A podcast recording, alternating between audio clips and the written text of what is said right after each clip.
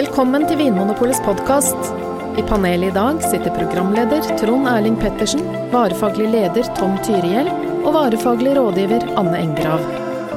I dag skal vi snakke om noe som sju av ti nordmenn spiser hver høst. Og eh, de siste tre syns kanskje det lukter litt for mye promp i oppgangen eller i leiligheten når det her blir lagd. Vi skal snakke om Norges nasjonalrett, fårikål. Eh, Med meg i studio har jeg Tom og Anne. Kan dere si hei? Hei, Trond Erling. Hei, Anne. Skal vi ta og kanskje bare begynne med hva fårikål er? Det vet jo folk flest, vil jeg tro. Det er jo kjøtt av lam eller sau og kål og pepper, og det er stort sett det som er i gryta. Og vann. hva- Og vann. Men hva smaker fårikål? Går det an å si noe fornuftig om det?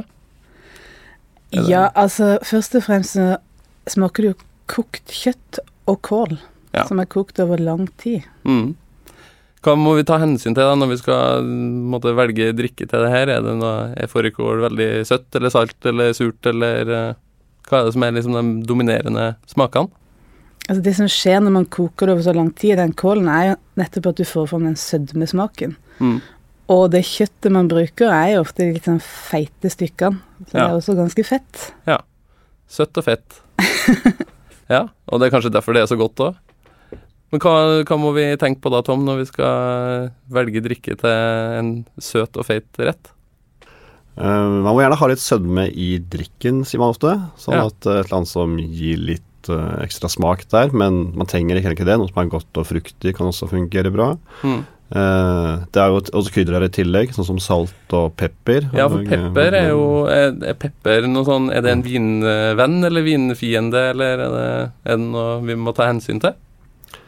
Nei, det er ikke så farlig hvis ikke det er kjempemye av det. Men det er jo ikke sånn at man lager en uh, hot spicy indisk variant, på en måte. Sånn, den mengden som er der, så er det greit, altså. Og uh, Mm. som regel så er det syre som er bra mot det, og det finner man i hvert fall i, i vin. Mm. Så ikke alltid øl, da, som er jo et uh, vel så vanlig, eller kanskje et vanligere valg.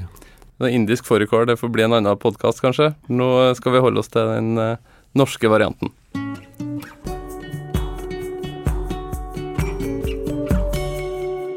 Øl er jo et eh, tradisjonelt eh, valg til fårikål, og det, det, det er kanskje mange velger når de skal sette gryta på bordet.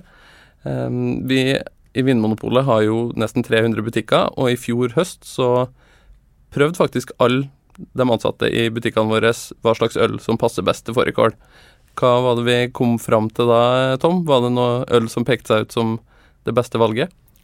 Ja, det var kanskje to hovedtendenser der. Mm. En at man fikk et øl som var ganske sånn lys, altså eh, det her er type Weissbier. Som var en Hveteøl? et hveteøl, ja, som var en kontrast til dette, som er sånn fruktig og litt, sånn, litt syrlighet nesten, som skjærer liksom igjennom dette fettet. Og det andre var at du fikk et eh, sånn gyllent eh, mellombrunt øl. Jeg tror det var en var det pale ale, altså en belgisk retning. Ja, litt mørkere, litt Mørkere, søtere øl, kanskje? Mørkere, litt rikere øl, ja. Ja. Som er, som er mer sånn et ekko i maten, eller spiller på lag med maten. At det er litt sånn litt søtt og litt fyldig og mørkt på samme måte som fårikålgryta er litt sånn søt og fyldig. Ja, som heller forsterker de smakene som er der, kanskje. Mm. Mens uh, hveteølet, Weissbieren, er som en kontrast, kanskje, og bryter mer igjennom. Mm. Anne, hva har du inntrykk av at folk flest velger å sette på bordet av øl når, når man skal spise fårikål? Nei, det kommer jo veldig an på hvilke øl man liker best. Mm. Jeg har jo inntrykk av at folk egentlig kjøper det ølet de liker, Mm. og, spiser, og drikker det til fårikålen. Mm. Eh, Men jeg også Og det er kanskje greit, fordi det, som Tom var inne på, så er det mye forskjellig øl som passer til fårikål. Det er ingen sånn fasit 'det ene ølet må du ha'. Nei, fordelen med øl er jo at det er en veldig sånn robust drikk. Så den passer det, ødelegger ikke på en måte ølet med maten. Mm. Og jeg har jo også opplevd mange som putter litt øl oppi fårikålen, Ja. og koker med litt øl. ja. Og det, da passer du også, da får du også den der forsterker den der effekten av ja. ekkoet i maten og Ja. drikken. Litt øl i gryta og litt øl i spisegjestene. Mm. En, en annen ting der var at uh, mange tror jeg ville velge en eh, IPA, Mm. India Pale Ale, som virker som et naturlig valg fordi den har liksom den maltsødmen. Og Mm. har dette urteaktige svalet som skal bryte igjennom. Mm. Men der var vel kanskje tilbakemeldingen mer at eh, det ble for, litt for mye, på en måte. Mye av den bitterheten, og så litt mye aromatisk. Så Ja, for det, det har jeg hørt det, at mange sier at, at humle og bitterhet det liksom skjærer gjennom fettet, og du må ha litt sånn bitterhet når du skal ha feit mat, men det stemmer ikke helt, det da. Det var ikke vår erfaring fra denne runden, i hvert fall. Vi testet det på godt over 1000 av våre butikkansatte. Akevitt er et brennevin som lages av enten potet eller korn. Det er mest vanlig i nordiske land som Norge, Sverige og Danmark, men finnes også f.eks. i Tyskland. Norsk akevitt er som regel laget av poteter. Om potet eller korn velges som råvare, har lite å si. For brennevinet er helt nøytralt før produsenten begynner å tilsette krydder. All akevitt er smaksatt med enten dill eller karve. I tillegg kan det brukes ulike krydder som fennikel, koriander eller stjerneanis. Og det er dette krydderet som gir akevittsmaken vi kjenner. Mange norske akevitter er i tillegg modnet på fat, f.eks. brukte sherryfat. Dette kan gi smak av vanilje og tørket frukt, og gjør akevitten mer sammensatt i smaken. Brun akevitt kan ha fått sin farge fra fatmodning, men kan også ha blitt tilsatt fargestoff fra karamell. Det er jo ofte vanlig å ha en liten dram ved sida av, eh, av ølglasset. Mange velger jo akevitt som, eh, som et tradisjonelt eh, norsk valg til fårikålen. Eh, vi var jo inne på lyst og mørkt øl, som begge to kan fungere bra. Men eh, Anne, innen akevitt så finnes det jo òg lys og mørk akevitt. Det finnes eh, blanke flasker og flasker med litt mer mørk akevitt på. Hva er egentlig forskjellen? Ja, altså, det er jo kanskje den letteste måten å orientere seg i akevitthylla, er jo nettopp å se på utseendet. Og den blanke, lyse varianten har jo ofte et litt sånn lettere eh, min, eh, Med sånn dill-urtepreg. Ja. Kanskje litt sånn sitrussmak i. Eh, smaker mindre ofte enn de, de mørkere typene, som er, har litt mer karamell og mørkere krydder, sånn Ja. Det at en akevitt er liksom brun på farge, betyr det at den har vært lagra på fat? Det er en indikasjon på det. Noen tilsetter rett og slett litt farge også, men mm. det kommer jo at eh, en, på en måte en etterligning av fateffekten, da. Fordi at akevitten får jo farge fra når det ligger på fatet. Ja. Men det er litt sånn smak og behag. Det er ikke sånn at mørk fatlagra akevitt er bedre enn den blanke, holdt jeg på å si. Det blir litt sånn hva man liker. Det blir litt egne preferanser, ja. ja. Tom, eh, når vi har fårikål på bordet, hva slags akevitt skal vi velge da? Ja, ikke sant? Når den har ligget lenge på fatet og fått den mørke fargen på en naturlig måte, så trekker den også ut flere smaksstoffer ifra fatet, og den, det har skjedd noe med akevitten. Mange mener at uh, fårikål som har en del smak, sånn, så trenger du gjerne noe som har ligget litt på fat og fått den ekstra smaken. Mm. Det finnes også egne akevitter som, som er designet for det, som er gjerne litt rikere på krydder også, har litt mer karve og sånt noe. Mm. Men jeg er ganske enig med Anne om at uh, det går helt bra å bruke lysere ting også. Mm. Og man har jo sånne svenske akevitter som er uten dette fatpreget og ganske milde. Og er man først på det sporet, så er det jo, sånn som du snakket om med, med øl, Mm. så fungerte det veldig bra de lyse ølene. Mm. Og ta f.eks. prøv en, en calvados, et eplebrennevin, på en måte. Og den Ja. friskheten og fruktigheten der er en veldig sånn fin sånn ekstra komponent. Og Ja. også litt sånn syrligere og bryter oss litt igjennom på samme måte som en hveteøl eh, vil gjøre det. Mm. Så det går an å velge andre drammer enn den tradisjonsrike akevitten hvis man vil ha en dram til fårikålen. Ja, det skal du ikke være redd for. Altså, hvis du liker å eksperimentere, så er ikke det sånn smaksmessig skummelt. Folk kanskje vil se litt rart på det. Tenker jøss, calvados, eh, hvor kommer du fra? Det er akevitt man skal til dette. Ja. Ok, Anne, en gang for alle. Akevitt, eh, skal den serveres eh, iskald? Så kald som mulig? Hvis du ikke vil smake så mye av den. Ja. for det at jo kaldere akevitten blir servert, Ja.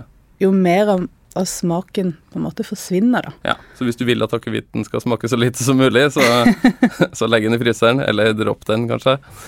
Og hvis du er eh, glad i akevitt og vil drikke mye akevitt, eh, men ikke vil drikke deg full, så Mm. kan du, er det jo også en mulighet til å eh, drikke lettøl eller alkoholfritt øl, og så kompensere litt på alkoholnivået på den måten, da. Ja, det er et godt tips.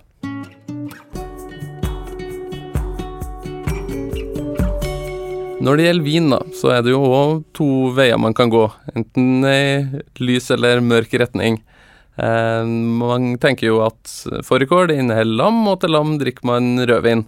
Eh, Anne, kan du forsvare hvorfor rødvin er det beste valget til fårikål, og finne en, vin, en rødvin som passer perfekt når fårikålgryta skal på bordet?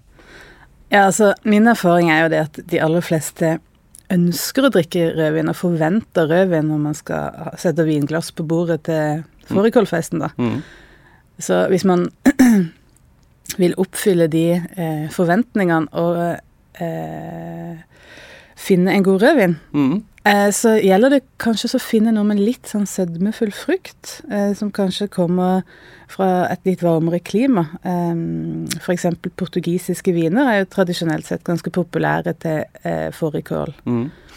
Og har kjennetegnes kanskje med det at de har vokst i et litt varmere klima og Mm. er litt sånn bløtere og mer sødmefulle. Bløtere, da mener du at de ikke skal ha så mye eh, snerp, kanskje? Er det et poeng når man skal ha vin til fårikål? Jeg syns det at den snerpen eh, mot den sødmefulle kålen og eh, Det virker kanskje enda mer snerpende, da. Mm. Så da bør man kanskje velge noen litt sånn lettere viner eh, som har mindre snerp. Ja. Og kanskje fungerer også med noen litt sånn eh, ja, rett sånn lettere rødviner som man kan finne f.eks. i Veneto, Italia, eller Eller prøve en portugiser Ja. Med lite garvestoff. med lite gavestoff. Tom, da skal du få i oppdrag å eh, forsvare hvorfor hvitvin er det beste valget, og finne en eh, hvitvin som passer godt til fårikål. Ja, fordi som, som Anne var inne på, så var rødvin og um, med sin tannin, det er ikke så viktig i forhold til dette her. Det er, sant, det er fett som er hovedingrediensen som vinen skal jobbe imot, og det beste Mm. mot eh, fett er syre. Og eh, syre det finner du mye tydeligere og mye mer av i hvitvin. Mm. Så jeg tenker for å få den forfriskende smaken, og eh, det skal man skal rense opp, og sånt, så er, er hvitvin et bedre valg, tenker jeg da. Ja. Og eh, Riesling er jo et, en tysk, tysk Riesling, på en måte. Det, det har nettopp igjen i syrligheten. Mm. Men der har det kanskje noen utfordringer i at de kommer i ganske fruktige varianter. Ja. Så det smaker mye sånn eh, alt fra fersken, aprikos og epler og sitrus. Det kan, det kan bli litt bli... sånn eh, à la tropisk nektar, som kanskje ikke ville ha vært Ja, første valget litt for ikke tropisk husstil utstil, og det, noen varianter kan bli litt, litt mye. Mm. Så kanskje man heller skal velge et eller annet sånn fra reinhesten eller Naa, på en måte. Gå til et Mm. underområde hvor du har dempet den fruktigheten, har litt mer sånn urtepregede viner. Ja.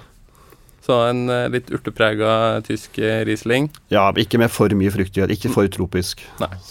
er det sånn at fårikål, som er litt sånn rikt på smak, og det er masse det er kokt på kraft og bein og fett og det er liksom mye smak, er det sånn at vi må litt opp i pris for å finne en vin som har like mye smak, eller kan man velge noe til rundt sånn 150, som kanskje er folk flest sin smertegrense? Hva tenker du, Anne? Nei, altså igjen så er det kanskje det å finne det der eh, friske, lette som renser opp i Mm. munnen. Og Mm. man trenger ikke gå så veldig mye så veldig høyt i pris for å finne det, altså. Så rett og slett bare gå på polet eller eh, ring kundesenteret på 04560 og spør etter en god fårikålvin.